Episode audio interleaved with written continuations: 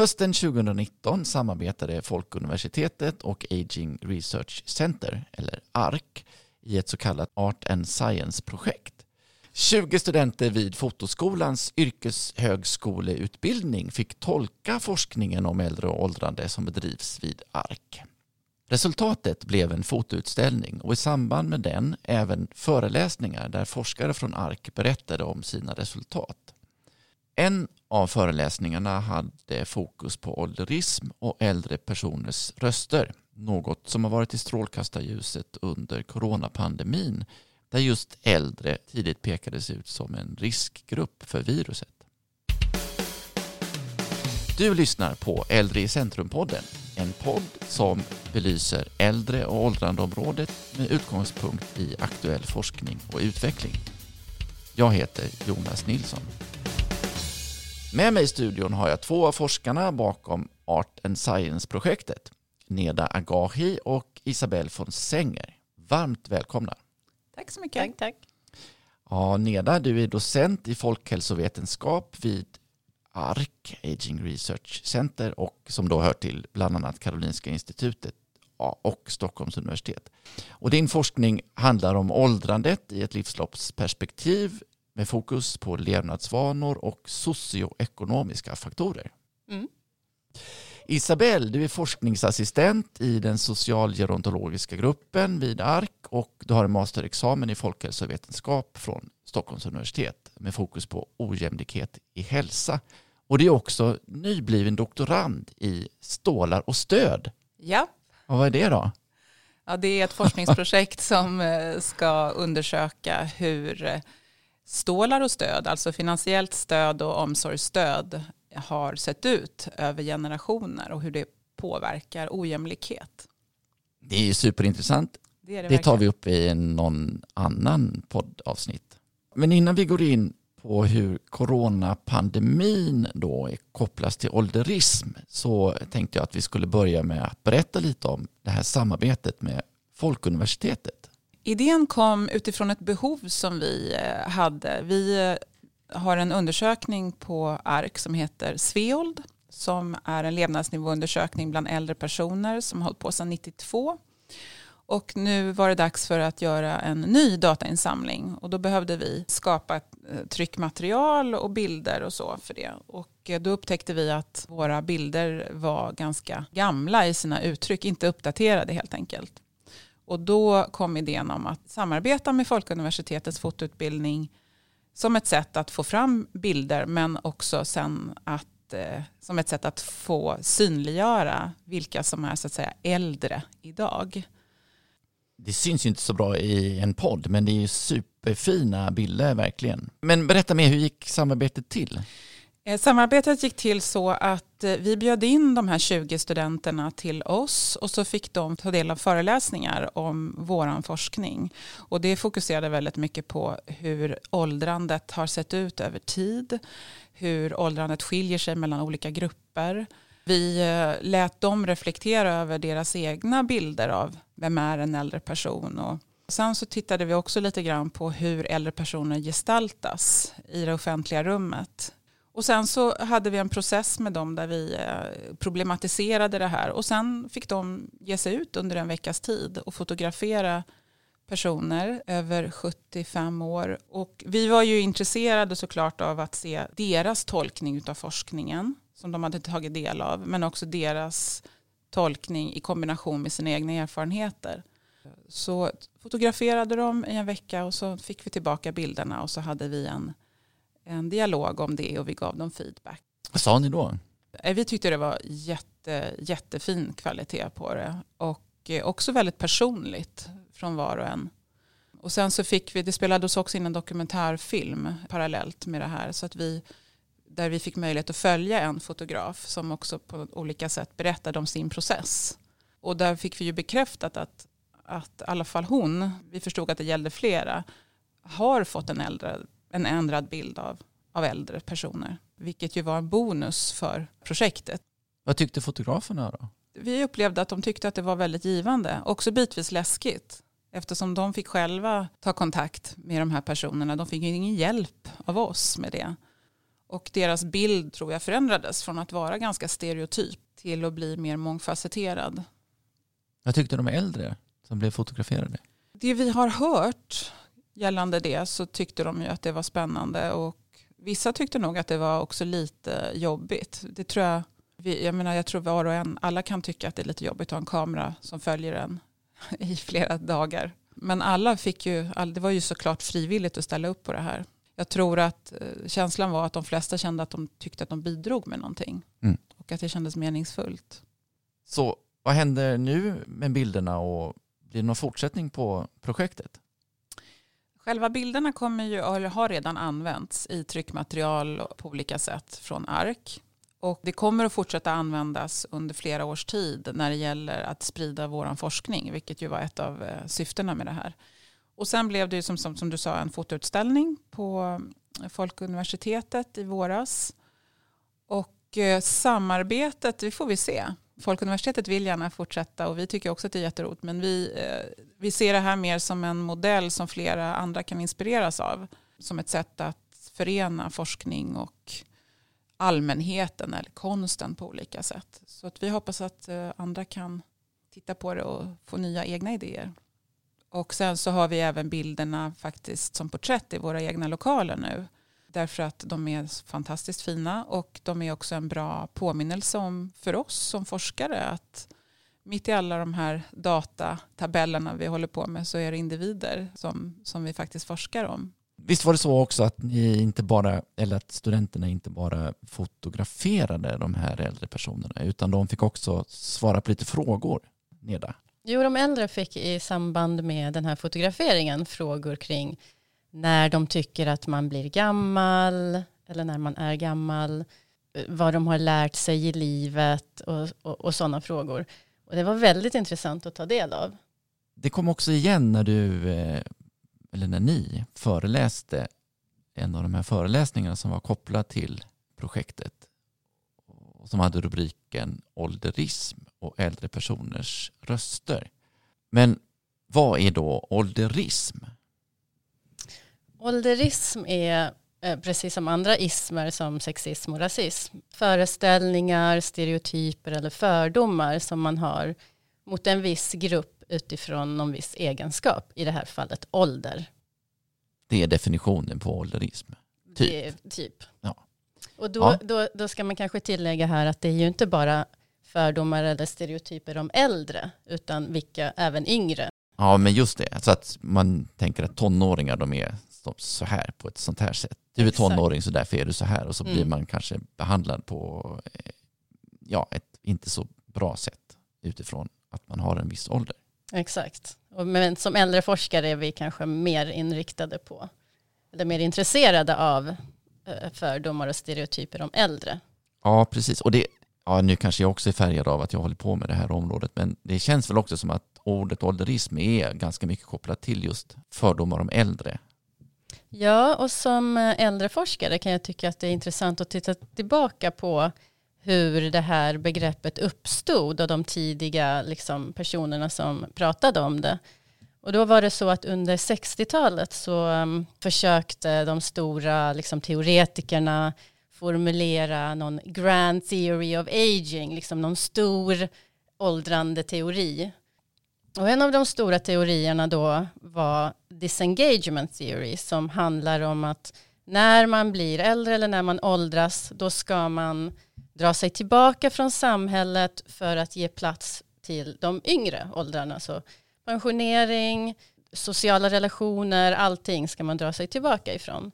Och om man ser det till den kontexten och att Robert Butler som var en av de stora äldreforskarna då definierade ageism eller ålderism som en typ av åldersdiskriminering.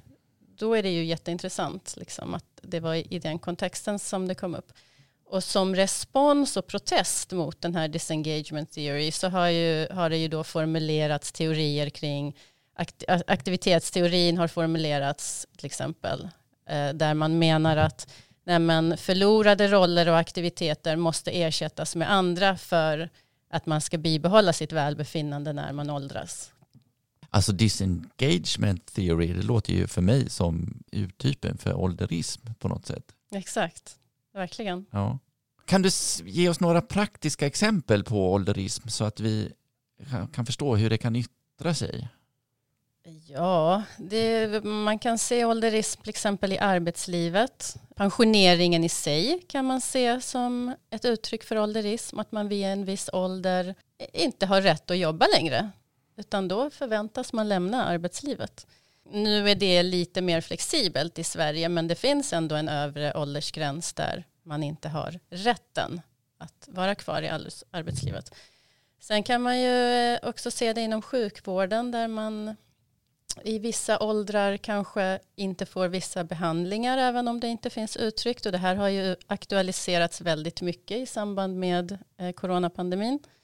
Inom media kommer ålderism väldigt mycket till uttryck där äldre personer oftast porträtteras som svaga eller liksom hjälpbehövande just i media ser man ju också stora skillnader mellan hur äldre kvinnor och äldre män porträtteras. Där är männen som, som har fördel. Så en kvinnas, en, en, en kvinnlig skådespelares bäst före-datum eh, infaller tidigare än en manlig skådespelares. Ja, precis. Vi hade när vi gjorde föreläsningarna så visade vi en bild på George Clooney och Nicole Kidman. Precis, där han var äldre. Eller hur var det nu? Han var äldre än vad hon var. Ja de är i princip lika gamla.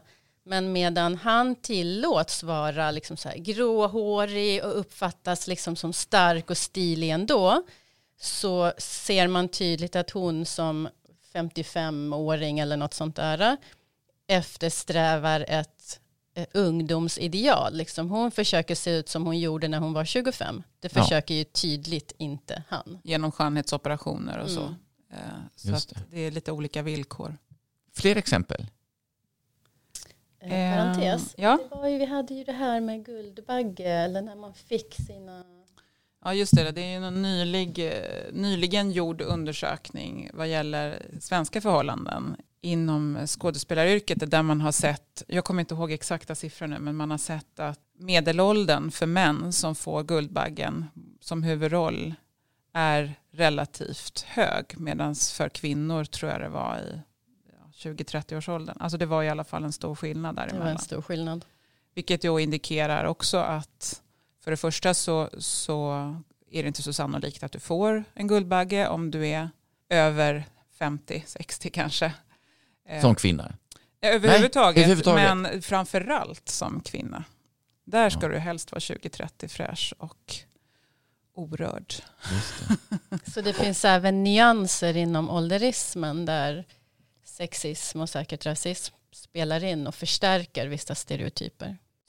Och i samband med den även kan, kan man utveckla lite mer vem som vem är det som utsätts för ålderism? Alltså, ja, som, vi, som vi sa så handlar det ju, om man tittar på grupper så är det ju såklart nu, det vi pratar ju mest om äldre personer. Eh, och sen så har vi inom dem så finns det skillnader då mellan könen och så finns det också skillnader alltså, beroende på bakgrund och var man är född och sådär. Men även också socioekonomiska skillnader. Alltså en, en, en kvinna som är 85 och bor i Danderyd har ju bättre förutsättningar än en kvinna i samma ålder som bor i ett mer utsatt område. Så det här är ju någonting som man brukar kalla intersektionalitet, att det finns olika typer av diskrimineringsformer som, som agerar samtidigt och som gör det hela ganska komplext. Men sen är det väl också en fråga om ålderism kan ju slå åt flera håll. Det kan ju vara fråga om att man utgår från att en grupp har en ja, alla äldre är pigga och friska beroende på vilken kontext man pratar om. Och då glömmer man bort de som faktiskt inte är pigga och friska och som har väldiga behov. Samtidigt som man, ålderism kan ju också handla om, lite grann som vi upplevde med fotostudenterna, att väldigt, väldigt många kopplar det till ensamhet och depression och sådana saker. Ja, då har man ju glömt bort den absolut största massan av äldre personer som är pigga och friska och kapabla på alla sätt och vis. Alltså egentligen så handlar det väl mycket om att man har en så onyanserad bild när man pratar om de äldre. Fyra decennier klumpar man ihop till gruppen äldre utan att liksom särskilja. Är de sjuka, är de friska, är de aktiva, är de deprimerade? Som 40-plussare kan jag tycka att det vore väldigt konstigt att bli ihopklumpad med 10-åringar till exempel. Men det är ju det man gör med 70-plus-gruppen utan att reflektera över det. Precis. Och, och dessutom så är det ju så att en 70-åring, den kan ju ligga på sin dödsbädd mer eller mindre. Eller bestiga berg, mm. springa maraton. Om man bjuder hem en eh, fyraåring på middag, då vet man ganska väl att man behöver fixa lite speciellt med bestick och tallrik och, ja, och aktiviteter också kanske. Precis. Men man, man, kan ganska säkert säga att så här kommer den här personen att vara, för den är fyra år. Men en 70-åring kan vara verkligen, det är så brett spektrum så Ja. ja, men det är ju det som är lite intressant när man börjar med sånt tankeexperiment. Så tänker man, ja, men tänk om man skulle tänka så om en 40-åring då? Nu kommer det komma en 40-åring på besök här. Vad ska jag tänka på då? Ja, då, det gör man ju inte. Mm. Men vi har ju precis lika många olika 40-åringar som vi har 70-åringar. Det är bara att vi har en föreställning om att efter en viss ålder då ska allting bli lik, likriktat. Ja. Vi har, och det tror jag handlar kanske väldigt mycket om att det är svårt att föreställa. Alltså att vi tar bort individen i våra, i våra tankar. Vi ser det som en grupp istället för en individ. Så att säga. Och det var ju intressant i det som svaren på frågorna eh, som de här äldre personerna som var med i fotoprojektet eh, där de uttryckte sig. Hur var det nu? Om man, när man är, var det en 98-åring som sa att ju mer, nu blir jag jätte, har jag så dåligt närminne. Ju äldre jag blir, ju senare tycker jag att man blir gammal, något i den stilen. Ja, just det. Så man ser verkligen hur relativt ålder är och hur, liksom när man väl har kommit upp i en viss ålder, då tycker man väl att men, det var väl en baggis. Jag känner mig inte gammal eller äldre eller, eh, eller så, utan det kommer senare. Medan 75-åringarna kanske var mer bekymrade liksom om att ja, men, jo, men man är nog gammal när man får funktionsnedsättningar. Och de har ju också kanske närmare eh, i, jag tänker att de har närmare till tiden då de gick i pension och sådana saker. Alltså 75 då har man ju, det har gått några år kanske, men, men ändå det handlar ju också mycket om det, att, att betrakta hela, hela ens liv man har kvar efter att man slutar jobba till exempel som en precis som du sa förut, Nedal, precis lika lång del av ens liv som innan. Alltså den, det, kom, det, det finns ingenting som säger att det ska vara en konstant tillvaro bara för att man har slutat jobba. Och det tror jag att de äldre personerna som är pigga, de har ju hunnit upptäcka det. Man kanske har internaliserat alla de här ålderistiska bilderna av hur det är att vara en äldre person. Så då tänker man att ja, men nu är jag ju 75 eller nu är jag ju 80 nu ska jag bete mig på ett visst sätt. Så att nu borde jag väl kanske inte gå till gymmet längre för att det gör man ju inte när man är 80. Eller nu får jag lägga ner mina resor för det kan man ju inte göra när man är 80. Så på det sättet kan man ju tänka sig att ålderismen begränsar de äldre. För att de kanske är bland de största ålderisterna själva. För att de har haft så lång tid att ta in den här negativa bilden. Ja, vad ska vi göra åt ålderism och ålderistiska föreställningar? Och det, här, det är superhemskt det här att man liksom internaliserar någon slags bild som gör att man blir begränsad som person.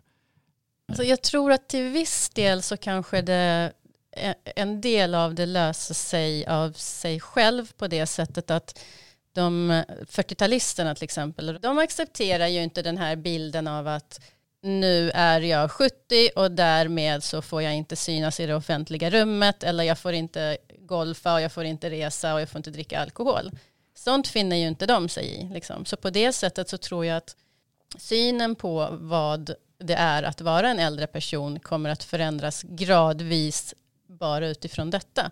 Den första artikeln som jag skrev i min avhandling som kom i tidigt 2000-tal, där tittade jag på äldre personers aktiviteter och vad de gjorde eh, efter 75, hur det såg ut bland de som var äldre i början av 2000-talet och då bland de som var gamla i, slutet av 90, i början av 90-talet. Och då såg vi redan då att de var så mycket mer engagerade i sociala aktiviteter, kulturella aktiviteter. Över, överlag var alla mer aktiva. Så redan då kunde man ju se att det var förändringar på gång. Och vad har inte hänt tills nu? Liksom? Så det hoppas vi att vi ska titta närmare på i kommande forskning. Just det.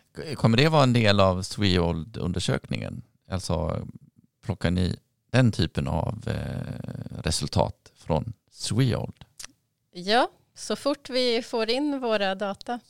Och i samband med den även... Och för er som lyssnar på det här eh, om 40 år så är det alltså, nu är vi just nu uppe i coronapandemin 2020.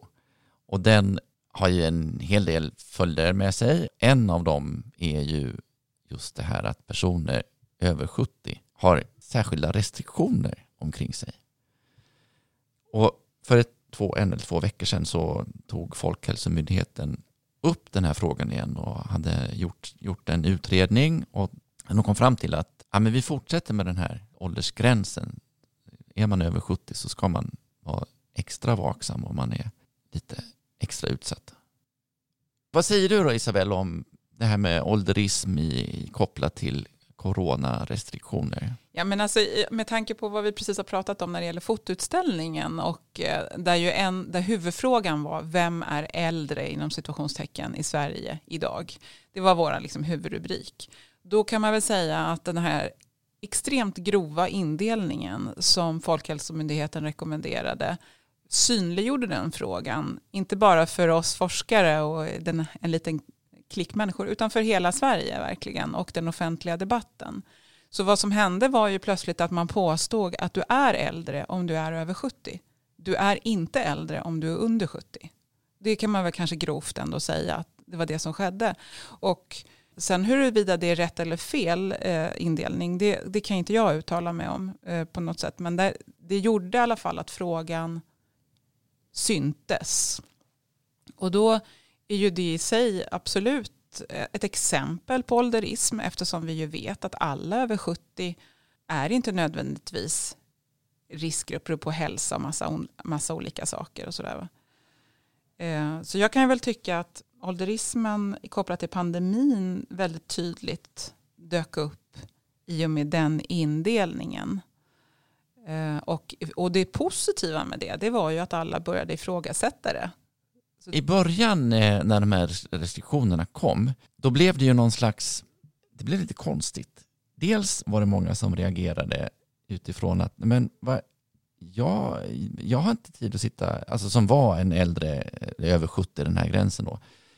Jag vill inte sitta liksom isolerad från vänner och, och familj och sådär. Jag vill, jag vill inte få den här stämpeln på mig och, och bli liksom undanskuffad. Sen fanns det också den reaktionen att om man, från, från andra, från de som var under den här 70-årsgränsen, att de liksom nästan angrep äldre som såg ut att vara över den här åldersgränsen. Om de rörde sig ute eller satt på en parkbänk. Och, visst var det så?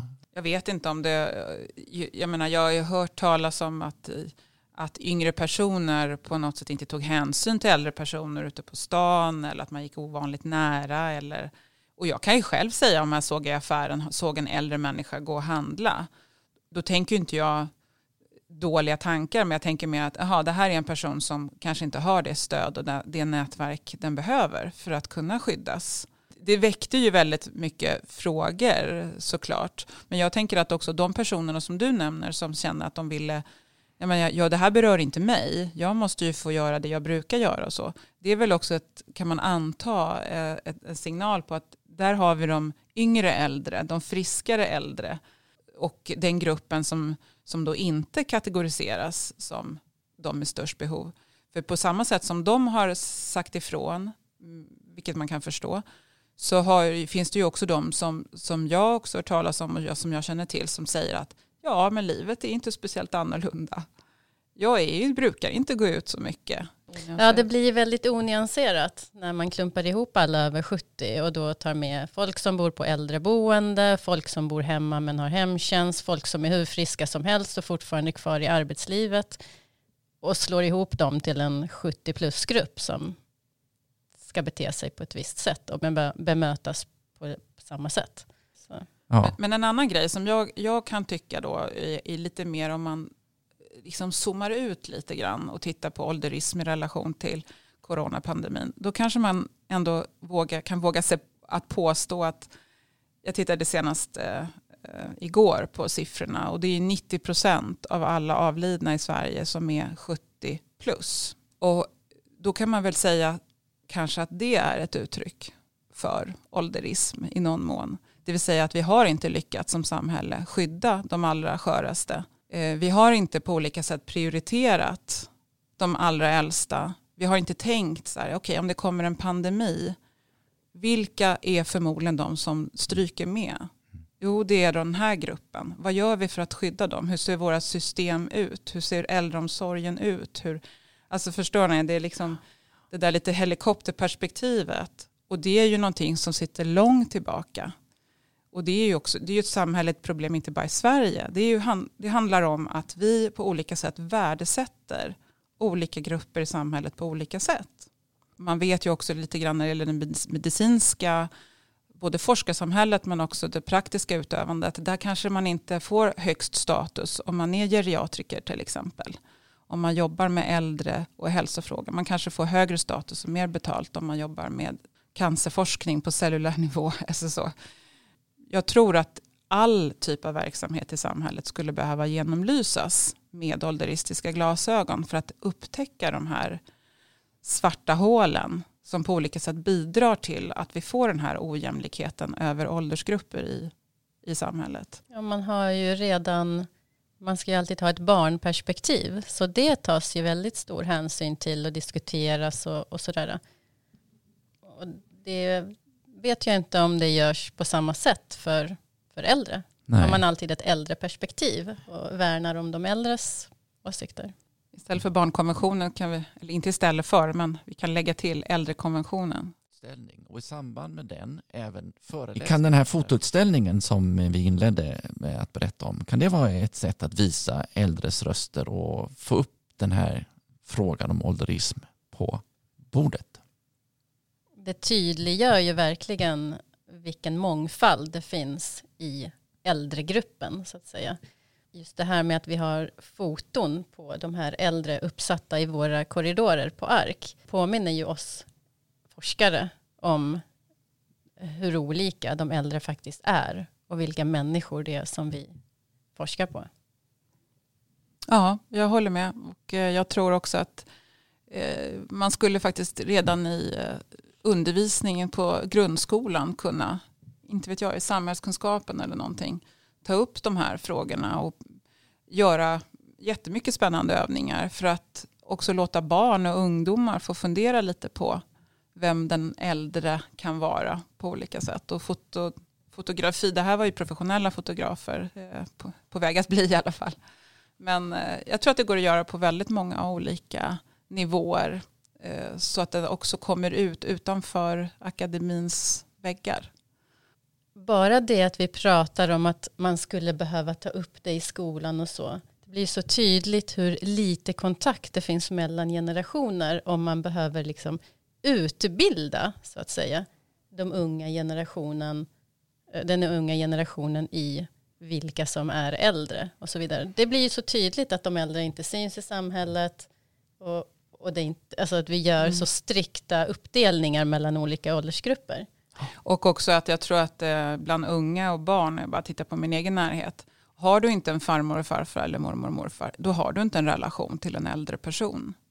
Nej.